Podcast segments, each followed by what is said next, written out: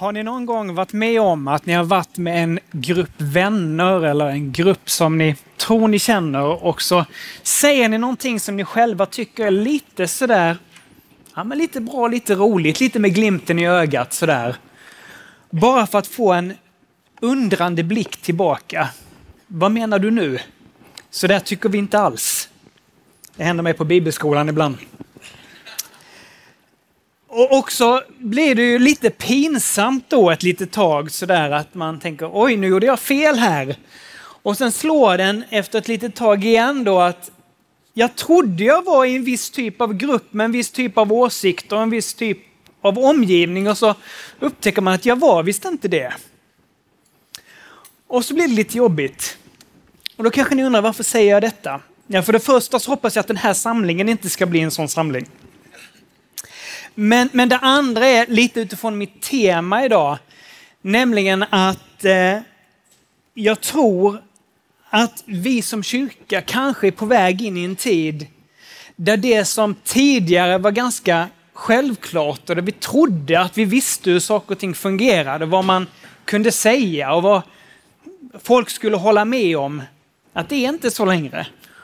Och lite chockartat och lite pinsamt så inser man att jag är inte riktigt i den omgivningen jag trodde. Och frågan är, vad gör man då? Mitt i det.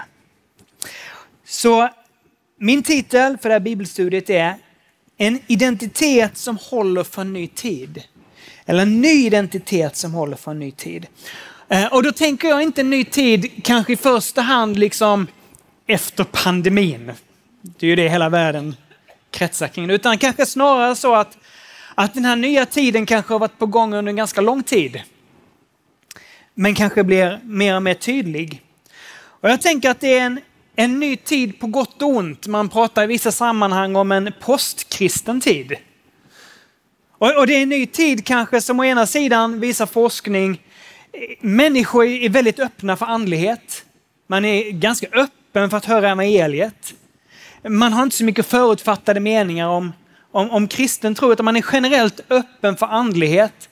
Och samtidigt så är det en ny tid där man kanske mer och mer upptäcker att det finns en ganska aggressiv hållning mot det som man kanske skulle kunna kalla för en klassisk kristen tro. En ny tid. Det som kyrkan kunde säga och i en annan tid så var det någonting som hela samhället skulle hålla med om upptäcker man plötsligt räknas som ganska extremt och kanske till och med förkastligt.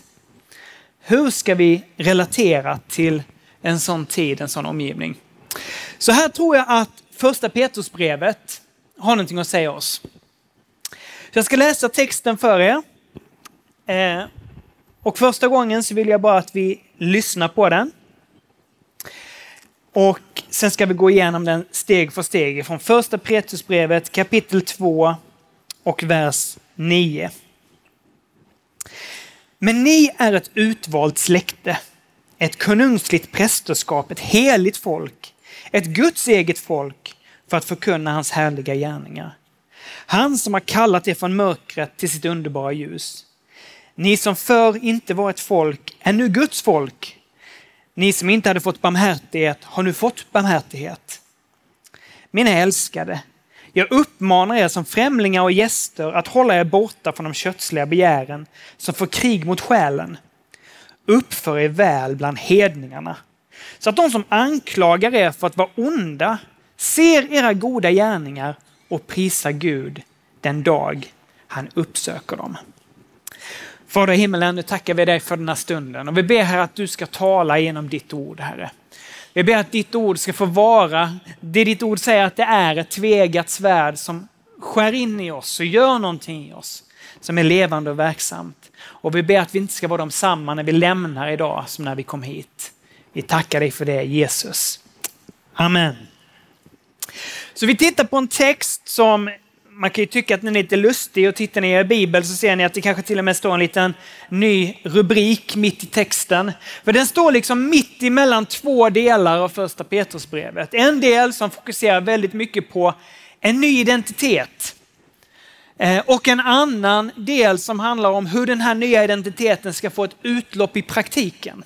Och jag tänker att det passar ganska bra, för just de två delarna vill jag föra tillsammans och så ska vi liksom plocka in andra delar från första Petrusbrevet för att hjälpa oss och förstå de här verserna. Men en, en liten, liten bakgrund bara till första Petrus för att vi ska lite bättre förstå. Så första Petrusbrevet skriven av aposteln Petrus, en av de tolv lärjungarna, en av Jesu tre närmaste, som ju vi läser om i Apostlagärningarna blev ledare för församlingen i Jerusalem. Vi har ett annat namn också i första Petrusbrevet, Silvanus, som kanske var den som bar med sig det här brevet till församlingarna och vissa menar kanske till och med var sekreterare åt Petrus. Skrivet säger Petrus att han hälsar från församlingen i Babylon.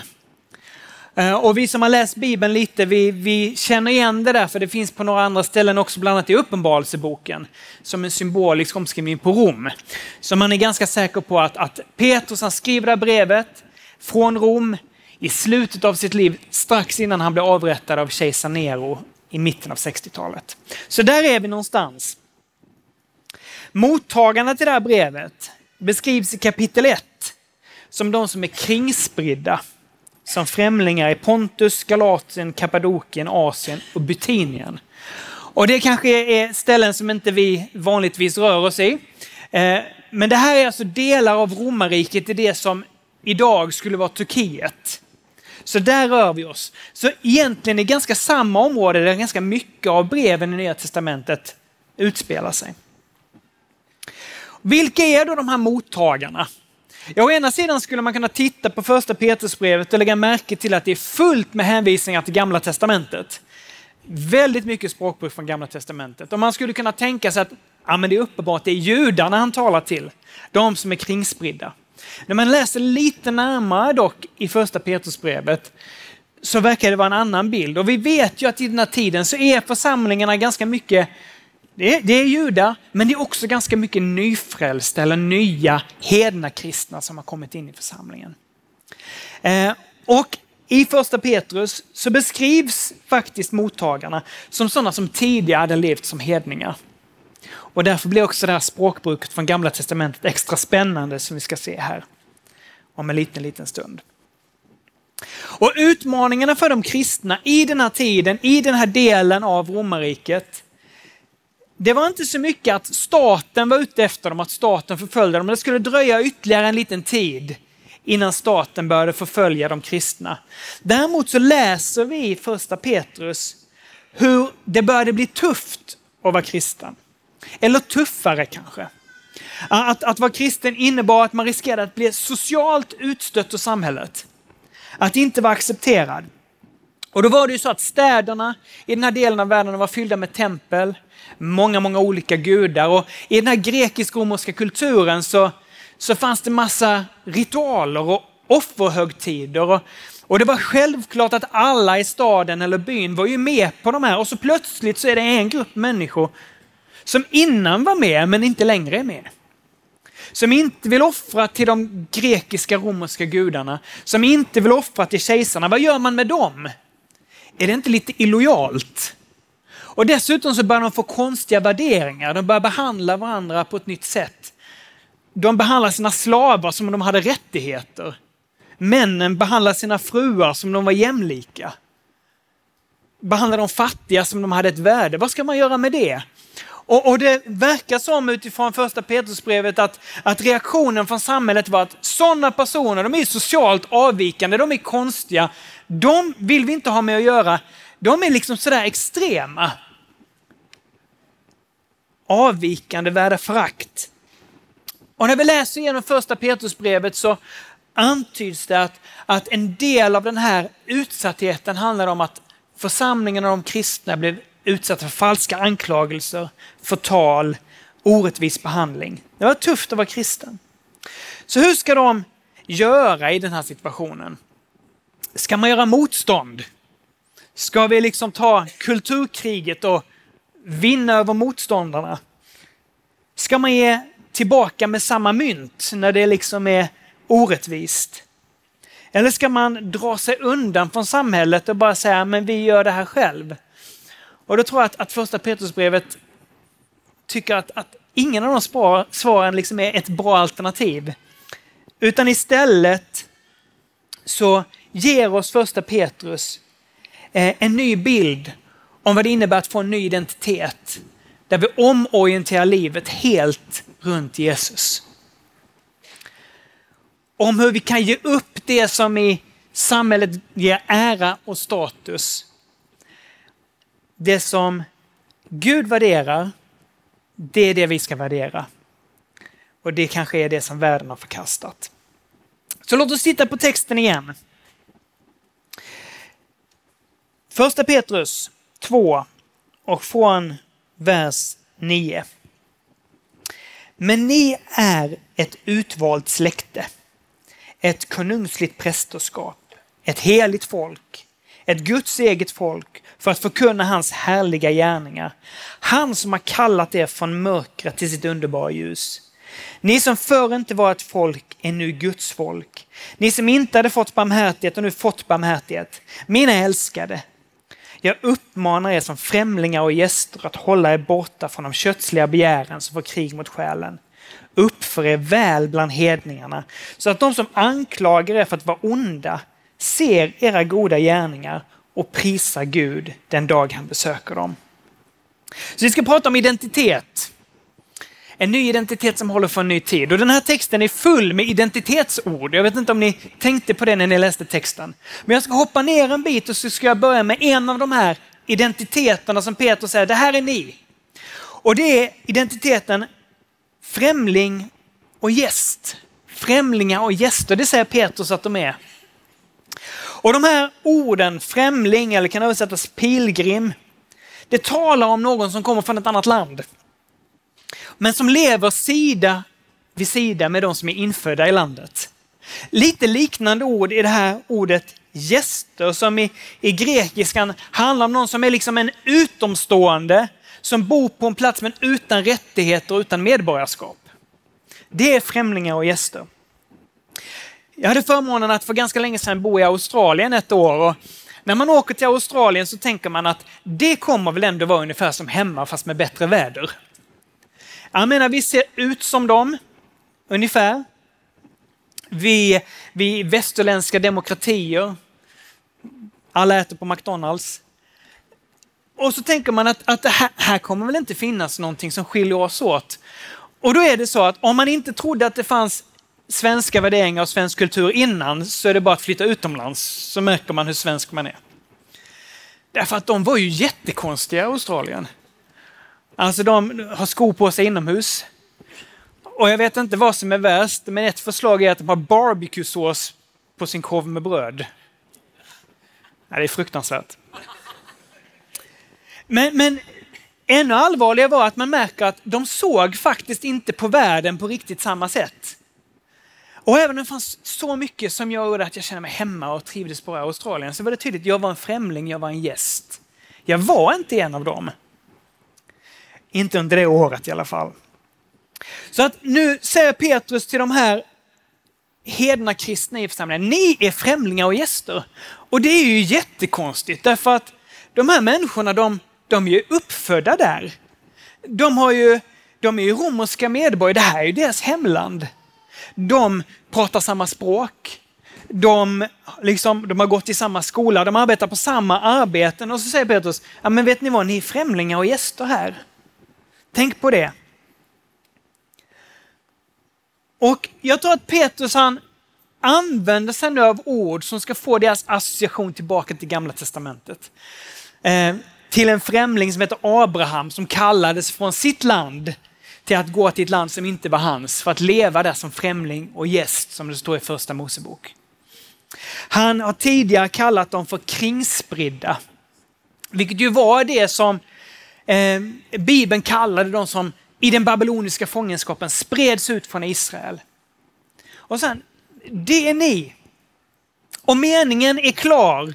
Dessa hedna kristna har fått en ny identitet. De har inte längre sin identitet som romare, som uppfödda på den platsen som galatier eller butinier eller var man nu bodde någonstans. De har fått en ny identitet. Därför att detta samhället, den tiden de nu lever i, är inte längre deras hemland. Någonting har hänt med dem. De kallas för främlingar därför att deras nya hemland är himlen. Det är dit de är på väg. De är bara på genomresa och Paulus han säger något liknande i Filipperbrevet 3.20. Vi har vårt medborgarskap i himlen och därifrån väntar vi Herren Jesus Kristus som frälsare. Och precis som en person som fysiskt flyttar till ett nytt land och kommer till en plats med ett annat språk, en annan kultur, andra värderingar, så är det med oss kristna i den här världen. Och då är det ju så att som främling behöver jag ju kunna hantera det, jag behöver kunna leva på den plats där jag nu är. Men är jag en främling och gäst så anpassar jag mig inte, jag gör inte mig av med min egen kultur och värderingar därför att jag vet ju att jag är bara här en kort tid, jag ska snart åka där jag egentligen hör hemma. Och jag tänker att det är så för oss idag också. Jag tror att, att vi har kanske lite för mycket ibland liksom fastnat i vår svenska identitet och då kanske jag inte i första hand menar nationalsången och midsommarstången och allt det där. Utan kanske snarare det att vi har tusen år av kristen historia bakom oss. Vi har en så lång kristen historia att vi nästan har börjat tänka oss att vara svensk och att vara kristen är samma sak. Och att svenska värderingar och kristna värderingar är samma sak. Och, så plötsligt så upptäcker vi att, att samhället och världen börjar röra sig längre och längre och längre ifrån det där som vi en gång kanske hade gemensamt allihopa, men inte längre. Och så är vi ibland lite osäkra på, men vad är mina kristna värderingar? Och vad är någonting som jag bara fått med mig någon annanstans? Och så rör sig samhället och då är det en stor risk att vi rör oss med i den riktningen också. Och jag tror att vi precis som mottagarna här i första Petrusbrevet bör bli påminda om att vi är främlingar och gäster. Ja, men vi bor här. Vi ser ut som alla andra. Vi jobbar på samma arbeten och talar samma språk. Men någonting har hänt med oss. Jesus har hänt med oss. Vi har fått en ny identitet och därför har vi plötsligt blivit främlingar och gäster. Vi delar inte längre samma språk, samma värderingar, samma kultur som alla andra. Och därför är det inte konstigt om det ibland blir lite kulturkrockar. Kommunikationen funkar inte hundra, därför att vi talar olika. Och värderingarna krockar lite grann, men det är inte så konstigt, vi kommer ju från helt olika platser. Och det behöver vi vänja oss vid. Och det som var problemet för de här mottagarna i första Petrusbrevet i Romarbrevet, eller i Romarriket, det var ju att de tidigare hade varit en av de andra. När vi läser lite vidare i brevet så står det i första Petrusbrevet 4 och 3 att, att en gång så hade de levt som hedningarna ville. Eller som det står i Svenska folkbibeln 98, på hedningarnas vis. Och ytterligare någon vers längre fram i 4 och 4 står det att därför blir de förvånade och hånar er när ni inte längre följer med och kastar ut i samma ström av utsvävningar. Det är som att folket runt omkring liksom tänkte, ja men vi trodde att ni var en av oss. Vi trodde att ni var en av oss. Men nu bekänner ni er till en ny identitet i Jesus Kristus och så plötsligt upptäcker ni, ni är ju inte det. Ni är ju inte en del av oss. Och kanske är det så att, att vi bibeltroende kristna, om jag nu får vara så fräck att jag utgår från att det är det vi är här, och så får vi se om det blir pinsamt sen att vi har utgått eh, ifrån att, att vi har liksom kunnat ha det här gemensamt. Att, att vi är en av dem. Men vi är ju samma här. Vi är en av oss här i Sverige. Och så har vi kanske betraktat som, ja men det är de, de är ju lite annorlunda de där pingstvännerna, det vet vi ju. De är ju inte riktigt som vanligt folk. Men de är ändå en av oss. Och kanske är det så att vi är på väg till en punkt när samhället mer och mer börjar tänka, men de kanske ändå inte är det. I alla fall inte om vi vill följa vad Bibeln säger. Vi som vill hålla oss till Guds ord, vi lever annorlunda, är annorlunda. Därför att vi som församling har en annan identitet. Och då är det så att det handlar inte bara om att lämna en gammal identitet. Utan Petrus poäng är ju att vi har fått en mycket bättre, helt otrolig, fantastisk identitet istället. Och så tar nu Petrus och så talar han till de här hedna kristna som kom från en helt hednisk bakgrund och så kopplar han dem in i hela gudsfolkets historia i Gamla Testamentet. Så låt oss titta på ytterligare identiteter som han tillskriver dem. Vers 10. Ni som förr inte var ett folk är nu Guds folk. Ni som inte hade fått barmhärtighet har nu fått barmhärtighet. Det är ett, ett, ett citat från profeten Hosea som talar om, jag skulle kunna prata mycket om, men det ska vi inte göra. Men, men som talar om hur det här folket som hade varit avfälligt kommer tillbaka och på nytt får ta på sig identiteten som att tillhöra Gud. Och så nu tillskriver Petrus, men nu är det ni. Ni hedningar, ni var inte ett folk, men nu har ni fått komma in och bli Guds folk. Han säger i vers 9, att ni är ett utvalt släkte, ett konungsligt prästerskap, ett heligt folk, ett Guds eget folk. Och det är också referenser till Gamla Testamentet. Det är det eko från Andra Mosebok kapitel 19 när, när, när Gud talar till folket på Sina i berg, när han ska ingå förbund med dem. Så säger han till dem att om ni följer mig, om, om ni följer min, mina bud, då ska ni få vara ett, min dyrbara egendom, ett rike av präster, ett heligt folk. Och i femte Mosebok 7 så talar Gud om att de är ett heligt folk inför Herren, utvalt att vara hans egendomsfolk. Och så säger Petrus, det är ni, ni hedningar, ni är detta, detta är en ny identitet. Och en gång var de inte det. Det står i vers 9 att han som har kallat er från mörkret sitt underbara ljus. De har inte alltid varit det, men nu är de det. Det är inte de gamla berättelserna längre om hur deras folkslag slog sig ner i Galatien och Betinien och Pontus. Det är inte deras berättelse längre. Deras berättelse är, en gång för länge sedan så kallade Gud Abraham. Det är min historia. En gång i tiden så, så blev vi räddade ut ur Egypten genom Guds stora frälsning. Det är vår historia. Och jag tänker att det är samma sätt med oss. Våran historia är ju inte liksom ursvensken som kom med inlandsisen. Om det nu var så. Det är ju inte vår historia.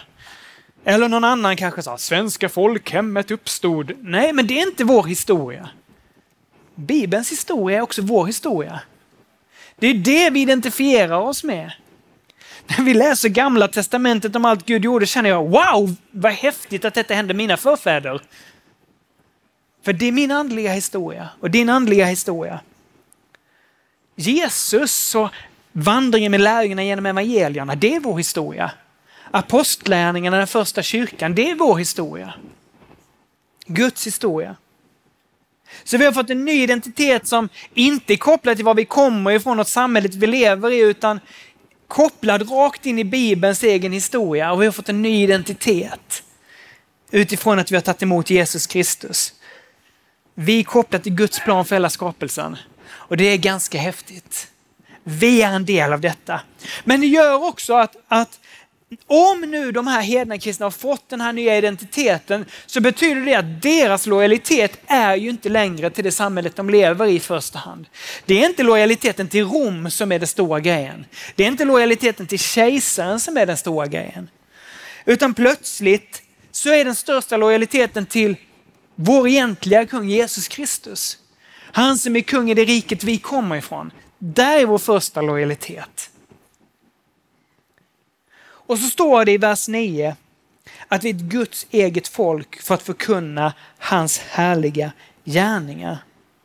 Alltså det här nya folket är också ett folk med ett uppdrag att, att visa på Gud som vi tror på och att förkunna Gud, visa på Gud. Och därför tror jag att, att en av sakerna vi lär oss här för första Petrusbrevet är att privatkristendom är inget alternativ om man är Guds folk som Gud har kallat och utvalt. Utan vi lever för att visa vem han är. Medan vi är främlingar och gäster så pekar vi på den Gud som vi tror på. Så en ny identitet. Men vi skulle också säga någonting om att det är en ny tid.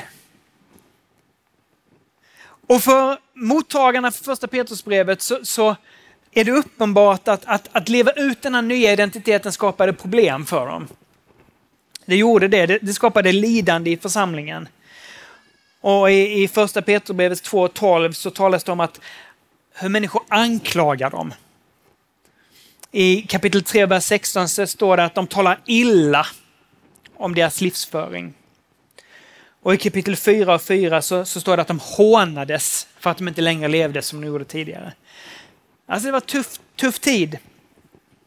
Och, och, Vi har några konkreta exempel här lite längre fram som talar om hur, hur tufft det är att vara en, en kristen slav i ett icke-troende hem eller vara en kristen fru som är gift med en icke-troende man och hur de ska hantera det. Men så läser vi ytterligare lite så inser vi att ja, men det var nog inte bara de grupperna utan hela församlingen upplevde den här konflikten med det omgivande samhället och attityderna som fanns mot dem. Och när man läser om historien och betydligt bättre teologer än jag har skrivit om det här, så skriver de just att, att just det att, att ta avstånd från de religiösa festivalerna och offrandet, det var ingenting som man liksom såg med blida ögon på. För det är klart att om vi offrar till de här gudarna för att de ska beskydda vår stad och ta hand om oss, om det är några som inte vill vara med, är de mot oss då? Ja, men jag tror de är mot oss. Och kanske gudarna inte kommer ta emot vårt offer nu om inte alla är med. Så varför vill ni kristna förstöra samhället? Varför är ni ute efter att bara riva ner allting och vara mot allting? Och det ledde till att, att de som tog emot den här kristna identiteten, de kunde bli utsatta genom att familjen tog avstånd ifrån dem. De kanske förlorade sina affärer och hade de haft högt uppsatta positioner i politik eller i samhället så kanske de kunde räkna med att nej men du är inte en person vi lyssnar på längre. Du, du kan inte ha kvar den här positionen. Det kostade någonting att vara en kristen. Och så står det så här i första Petrus 4 och 12, lite längre fram. Min älskade, var inte förvånade över den eld som ni måste gå igenom för att prövas, som att det var något som oväntat som hände er. Nej, gläd er ju mer ni delar Kristi lidanden. Då ska ni också få jubla och vara glada när han uppenbarar sig i sin härlighet. Saliga är ni om ni hånas för Kristi namns skull, för härlighetens ande, Guds ande vilar över er. Ingen ska behöva lida som en mördare, tjuv, förbrytare eller för han lägger sig i andras angelägenheter. Men om någon får lida för att han som kristen ska han inte skämmas, utan prisa Gud för det namnet. Så Petrus han skriver till de här kristna församlingarna och säger att ni ska inte vara förvånade att det här händer er. Att det här nya livet leder till konflikt och kanske till och med lidande. Och det här är nästan lite jobbigt att säga och ibland så önskar man ju att Bibeln inte riktigt sa de sakerna den säger. Var glad, det är positivt att lida. Men det är vad Petrus säger, för någonting händer med er. Ja, men det kanske bara var Petrus. Nej, tyvärr. Jesus han säger samma sak i bergspredikan. 5 och 1, Matteus 5 och 1. Salig är ni när människor, eh, förlåt, Matteus 5 och 11. Salig är ni när människor hånar och förföljer er och ljuger och säger allt möjligt ont om er för min skull. Glädje och jubla för er lögn är stor i himlen. På samma sätt förföljde man profeterna före er. Ja, men det kanske bara är Petrus och Jesus då. Nej, men Paulus också. Andra Timoteus 3.12, Så kommer alla som vill leva gudfruktigt i Kristus Jesus att bli förföljda. Och jag tänker att kanske behövde församlingen påminnas om i denna tiden att, att när de nu utstår hån och förtal och lögn så är det inte tecken på att Gud inte är med dem. Tvärtom. Det är för att de väljer att följa Gud som det här händer. På samma sätt som Jesus som var helt utan synd och levde ett perfekt liv hånades, fick falska anklagelser och till slut korsfästes. Så kom också hans lärjungar att vara med om samma sak. Och jag tänker att kanske är det så att vi i vår tid, vi är, liksom, vi är vana att flyga under radarn. Liksom. Och så tänker vi att ja, men det här går bra. Och så frestas vi, ja, men vi bara, det där kan vi tala lite mindre om sådär. Så, så kanske ingen vet det, skriver det finstilt längst ner i vår trosbekännelse. Och hoppas att ingen läser.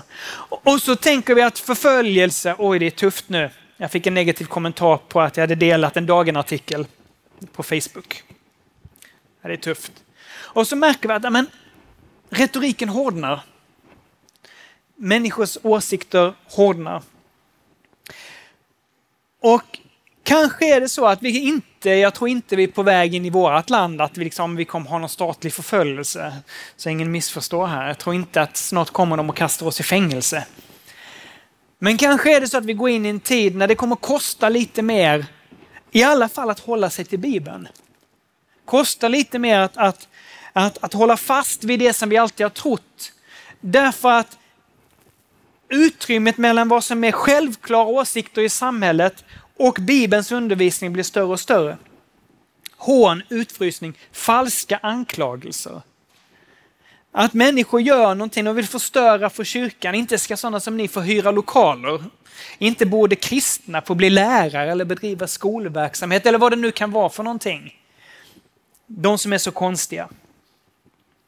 En ny tid.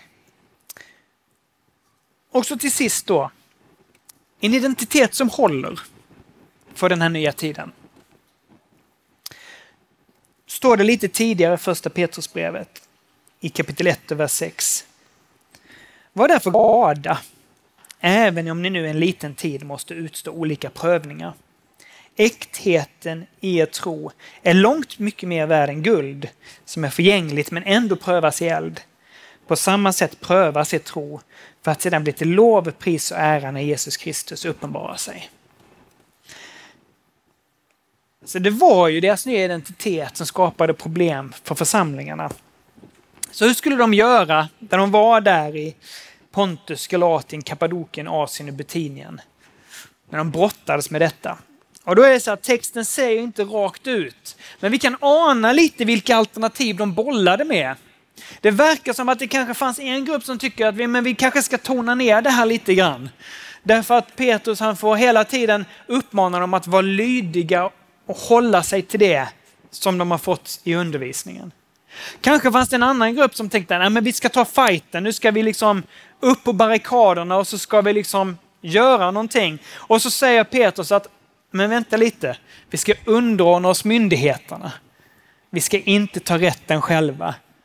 Så ingen av dem verkade vara det som Petrus satte som sin lösning eller Bibelns lösning. Och jag tror att, att vi kanske brottas lite i kyrkan idag hur vi ska hantera motståndet på samma sätt. Vad är vägen framåt? När det skaver mot samtiden och när klassisk kristen tro, vår tro, biblisk tro, klassisk pingstteologi målas upp som kärlekslös, fobisk, ond. Och när man plötsligt får höra att vi som älskar människor så pekar de på sig att ni är onda och kärlekslösa. Det gör ju ont. Vad gör vi med detta? Och då kanske ni sitter och tänker så här, men vad tänker han för saker nu? Vi, vi, skulle ju kunna prata om allt som är hemskt och dåligt och frånvridigt och otäckt i vår samtid. Men jag tänker att det inte är det som är poängen i första Petrusbrevet egentligen. Därför att åker vi till en annan plats i världen eller en annan tid så kommer det vara andra saker som skaver. Därför det kommer alltid finnas något som skaver mot vår samtid. Och jag tänker oavsett vad skavet är så är principerna de samma.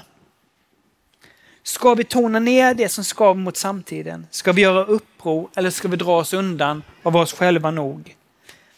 Första Petrusbrevet verkar ha ett annat alternativ. Han säger så här, Petrus, i kapitel 2, vers 11. Mina älskade, jag uppmanar er som främlingar och gäster att hålla er borta från de kötsliga begären som får krig mot själen. Uppför er väl bland hedningarna, så att de som anklagar er för att vara onda ser era goda gärningar och prisar Gud en dag han besöker dem. Och nu vill jag inte på något sätt mena att, att de här verserna ger oss hela bilden av hur vi ska förhålla oss till vår samtid. Men jag tycker att Petrus här ger oss två principer. Två principer som vi kan leva efter och ta med oss. Och som han ger till de här församlingarna. Princip nummer ett, håll er borta. Och princip nummer två, uppför er väl. Och, och, det roliga i den här texten är att det här är inte förslag som Petrus ger, utan eh, det är liksom inte ni gör väl om ni följer detta, utan här är det uppmaning från Petrus. Och det grekiska uttrycket betyder snarast att jag vill verkligen vädja till dig, uppmana dig att göra detta. Den nya identiteten måste få en konsekvens för det verkliga livet. Det är vad han säger. Så först då, håll er borta. De ska hålla sig borta från de kötsliga begären som får krig mot själen. Ett starkt uttryck.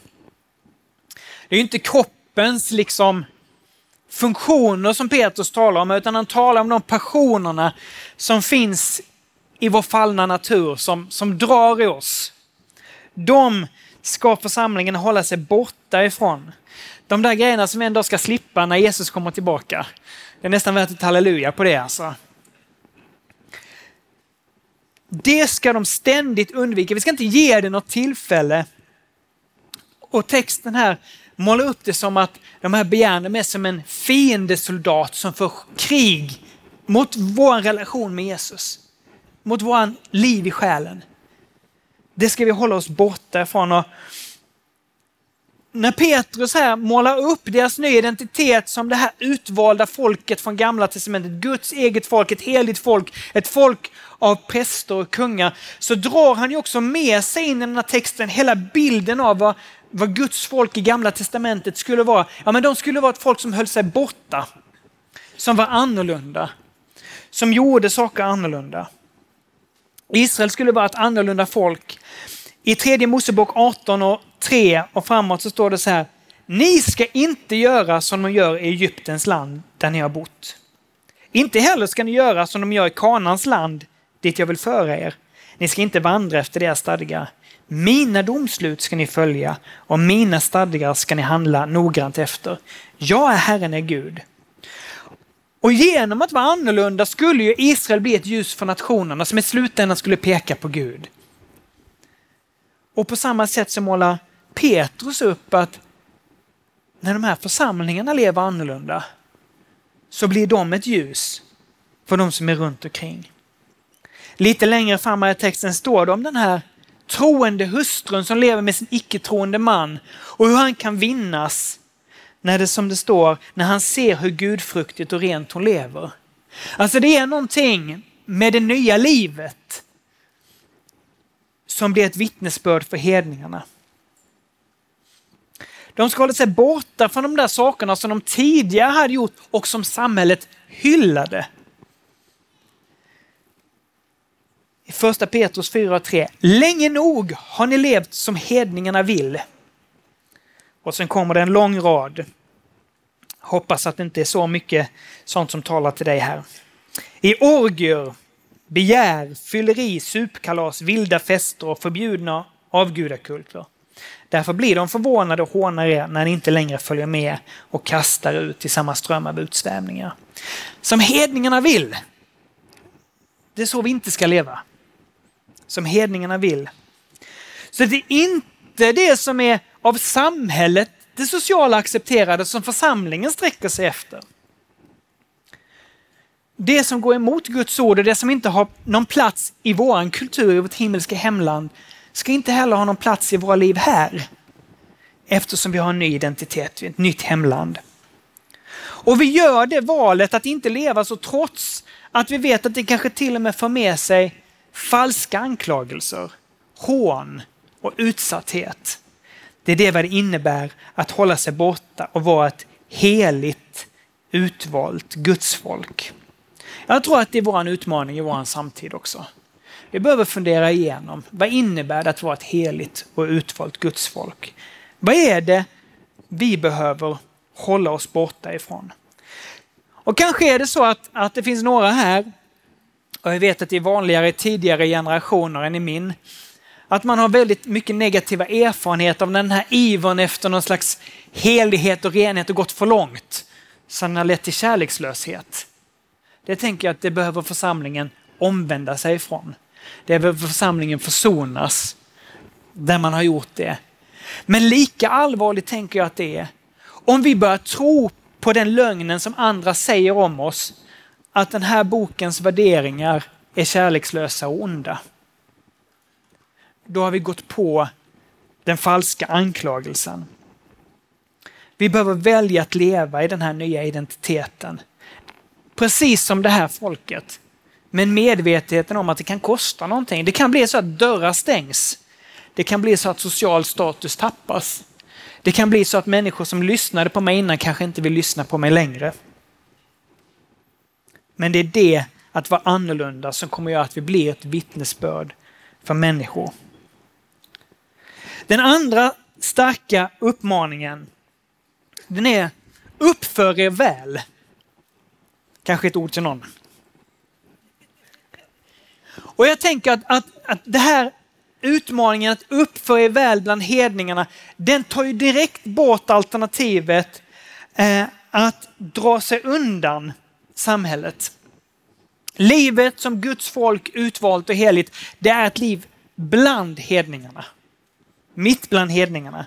Precis som Abraham som var en främling och levde i landet bland hedningarna som inte delade hans värderingar eller kultur, så levde han på ett sätt som väckte respekt bland de som levde runt omkring. I första Petrusbrevet 2.12 Uppför er väl bland hedningarna så att de som anklagar er för att vara onda ser era goda gärningar och prisar Gud den dag han besöker dem. Ja, men vad är det då att uppföra sig väl? Det står ju inte 100% i texten, men jag tänker att uppföra sig väl, det kanske på något sätt är motsatsen till de här köttets passioner. Vi läser ju om det på andra ställen i Bibeln. Andens frukt, kärlek, glädje, frid, tålamod, vänlighet, godhet, trofasthet, ödmjukhet, självbehärskning. Och det vi har i Bibeln här i första Petrusbrevet, det är i alla fall några exempel på hur det här nya livet tar sig uttryck just i den här hustrun som underordnar sig sin man eller slaven som underordnar sig sin herre. De som inte gör uppror, det kan man ha ett eget bibelstudium om. Och jag vet att om jag hade läst det här på bibelskolan så hade jag haft långa diskussioner efteråt. Men poängen i de här texterna är egentligen att de tar sig inte sin egen rätt de kämpar inte i egen sak. De gör inte uppror mot systemet för att hävda sig själva, utan de väljer hellre att ta Jesus exempel, älska sina fiender, be för de som förföljer dem och är villiga att lida för det som är gott. Så att underordna sig auktoritet, förutom när den vill tvinga oss till synd. Guds folk är främlingar och gäster och vi visar det genom att vi pekar på den Jesus som är vår kung. Vi är ingen invasionsarmé som ska besegra samtidskulturen och ersätta den med vår egen, utan det är genom vårt goda exempel som vi visar världen vem Jesus är. Och jag tror att det här är en stor utmaning för oss också. Att leva på ett sätt, som det står i vers 12, när de som anklagar er för att vara onda ser era goda gärningar. Alltså jag tror att vi kommer att bli granskade mer och mer som Guds församling. Min förhoppning är att ju mer de letar, ju mer gott kommer de hitta. Kanske är det så att församlingen ibland, ja inte din församling förstås, har lite, haft för mycket lik i garderoben. Men låt oss vara församlingar som när de granskar oss för att hitta det där och sätta dit oss för, får bli överraskade om hur mycket gott de hittar. Att fortsätta göra gott även när man blir orättvist anklagad. Orättvist behandlad. Och utan att profetera på något sätt. Att som församling fortsätta hjälpa de fattiga även när alla statliga bidrag försvinner. Att fortsätta göra rätt även om ens motpart gör allt för att misskreditera en. Att tala gott och välsigna även om de som vill göra oss illa. Därför jag tänker att vad första Petrusbrevet visar oss också är att församlingen gör ju inte goda gärningar därför att, för, för, för att samhället säger att de är goda. Alltså det är ju ingen listig strategi vi har liksom. Aha!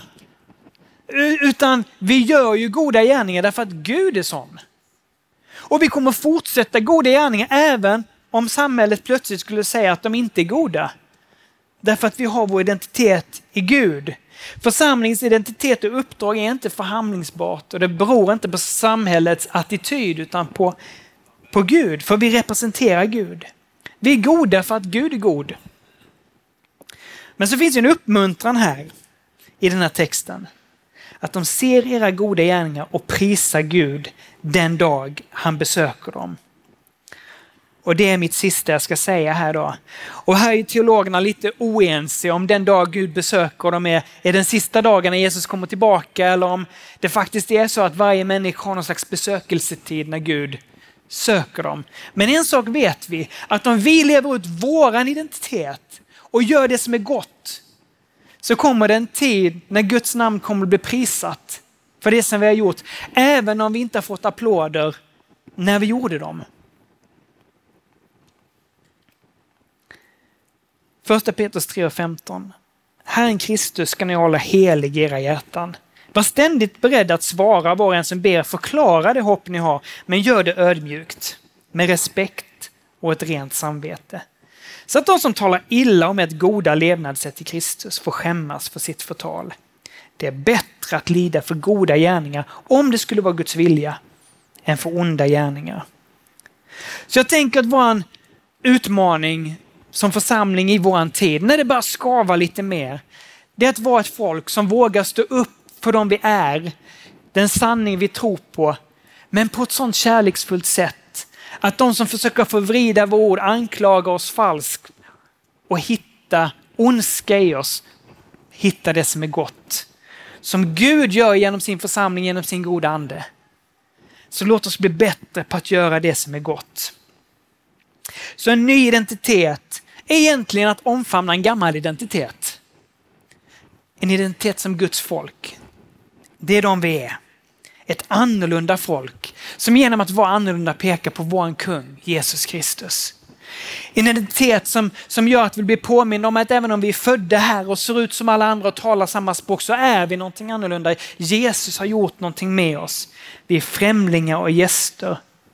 Vi bär med oss Guds rikets kultur, Guds värderingar, en Guds rikes livsstil som ibland, inte alltid, men ibland går rakt emot det som samhället säger är det goda och eftersträvansvärda. Vi inser att den här nya identiteten kanske kommer leda till lidande och förföljelse. Men vi blir påminda om att den måste få praktiska konsekvenser i våra liv. Att hålla oss borta borta från allt det som inte hör hemma i vårt himmelska hemland, som snarare är i samklang med vår fallna natur. Vi håller oss borta från det. Även om det är saker som samhället hyllar. Men vi uppför oss också väl. Uppför oss väl. Guds församling ska inte bli sekteristisk. Utan vi fortsätter vara mitt i samhället. Göra det som är gott. Leva ut den kärlek och den godhet som vi vet finns hos Kristus. Och försöker kommunicera det till vår samtid. Att stå upp för sanningen utan att bete sig illa i väntan på att vi ska komma hem. Amen. Låt oss be tillsammans. Herre, tacka dig Herre för att ditt ord lovar oss att vi kan leva i en ny identitet som håller i en ny tid. Tacka dig Herre att vi står inte ensamma i det här skavet mot samhället, utan du är med oss, du formar någonting i oss. Jag ber att du ska hjälpa oss som församlingar, som gemenskap, att anamma denna uråldriga identitet som ditt heliga utvalda folk, ett folk av kungar och präster, som lever annorlunda för att visa på dig. Som lever ut din sanning och lever ut din kärlek. Herre. Jag ber här att det ska få vara vår identitet och jag ber Gud om kraft och jag ber om sammanhållning i våra församlingar när det börjar skaka lite när motstånd och lidande kommer. Jag ber att vi inte ska falla undan och jag ber att vi inte ska dra oss undan. Utan att vi ska få fortsätta leva mitt i den här världen som ditt ljus, Herre. Jag prisar och tackar dig för det i Jesu namn. Amen. Tack så mycket.